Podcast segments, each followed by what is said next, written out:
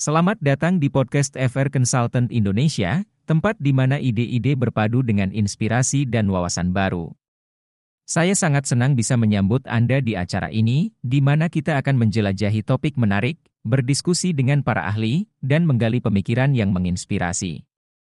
Saya adalah Fandi, tuan rumah acara ini, dan bersama kita akan menjelajahi dunia dengan cerdas, menghadirkan pandangan yang baru, dan memperkaya pengetahuan kita. Bersiaplah untuk pengalaman mendalam yang mengubah cara kita melihat dunia. Selamat mendengarkan.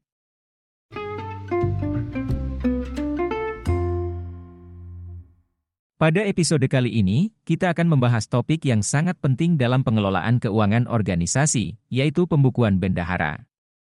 Saya akan mengambil informasi dari artikel yang telah kami siapkan untuk Anda. Mari kita mulai. Sebagai seorang bendahara, tanggung jawab Anda meliputi pencatatan pemasukan dan pengeluaran, penyusunan laporan keuangan, serta pemeliharaan arsip yang akurat dan terorganisir. Pembukuan yang tepat dan teratur sangat penting dalam menjaga keuangan yang sehat.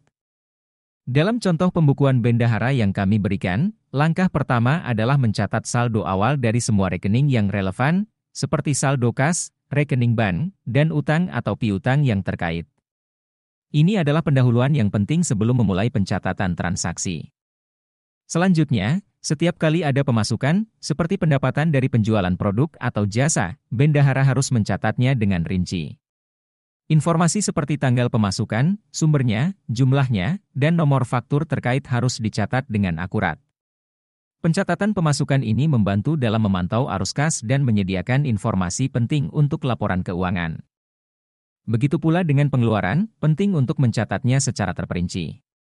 Setiap kali ada pengeluaran, seperti pembelian barang atau pembayaran hutang, bendahara harus mencatatnya dengan rinci.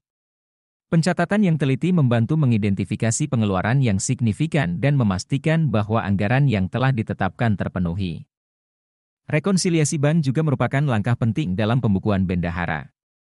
Ini melibatkan membandingkan catatan bank dengan catatan internal untuk memastikan bahwa transaksi tercatat dengan benar dan tidak ada ketidakcocokan.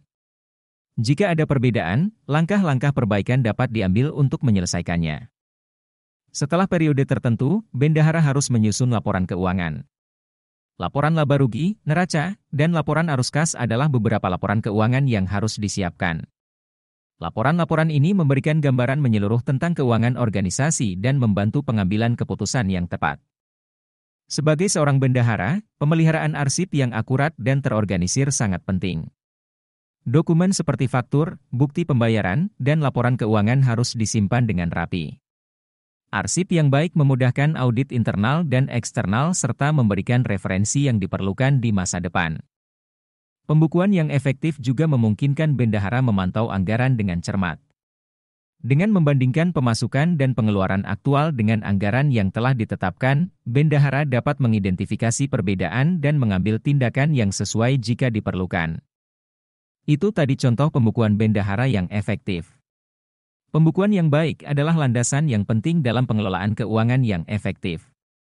Dengan menerapkan praktik pembukuan yang tepat, seorang bendahara dapat memainkan peran yang krusial dalam menjaga keuangan organisasi agar tetap sehat dan terorganisir. Sampai di sini podcast kita hari ini. Terima kasih telah mendengarkan. Jika Anda memiliki pertanyaan atau ingin berbagi pengalaman Anda, jangan ragu untuk menghubungi kami. Sampai jumpa di episode berikutnya.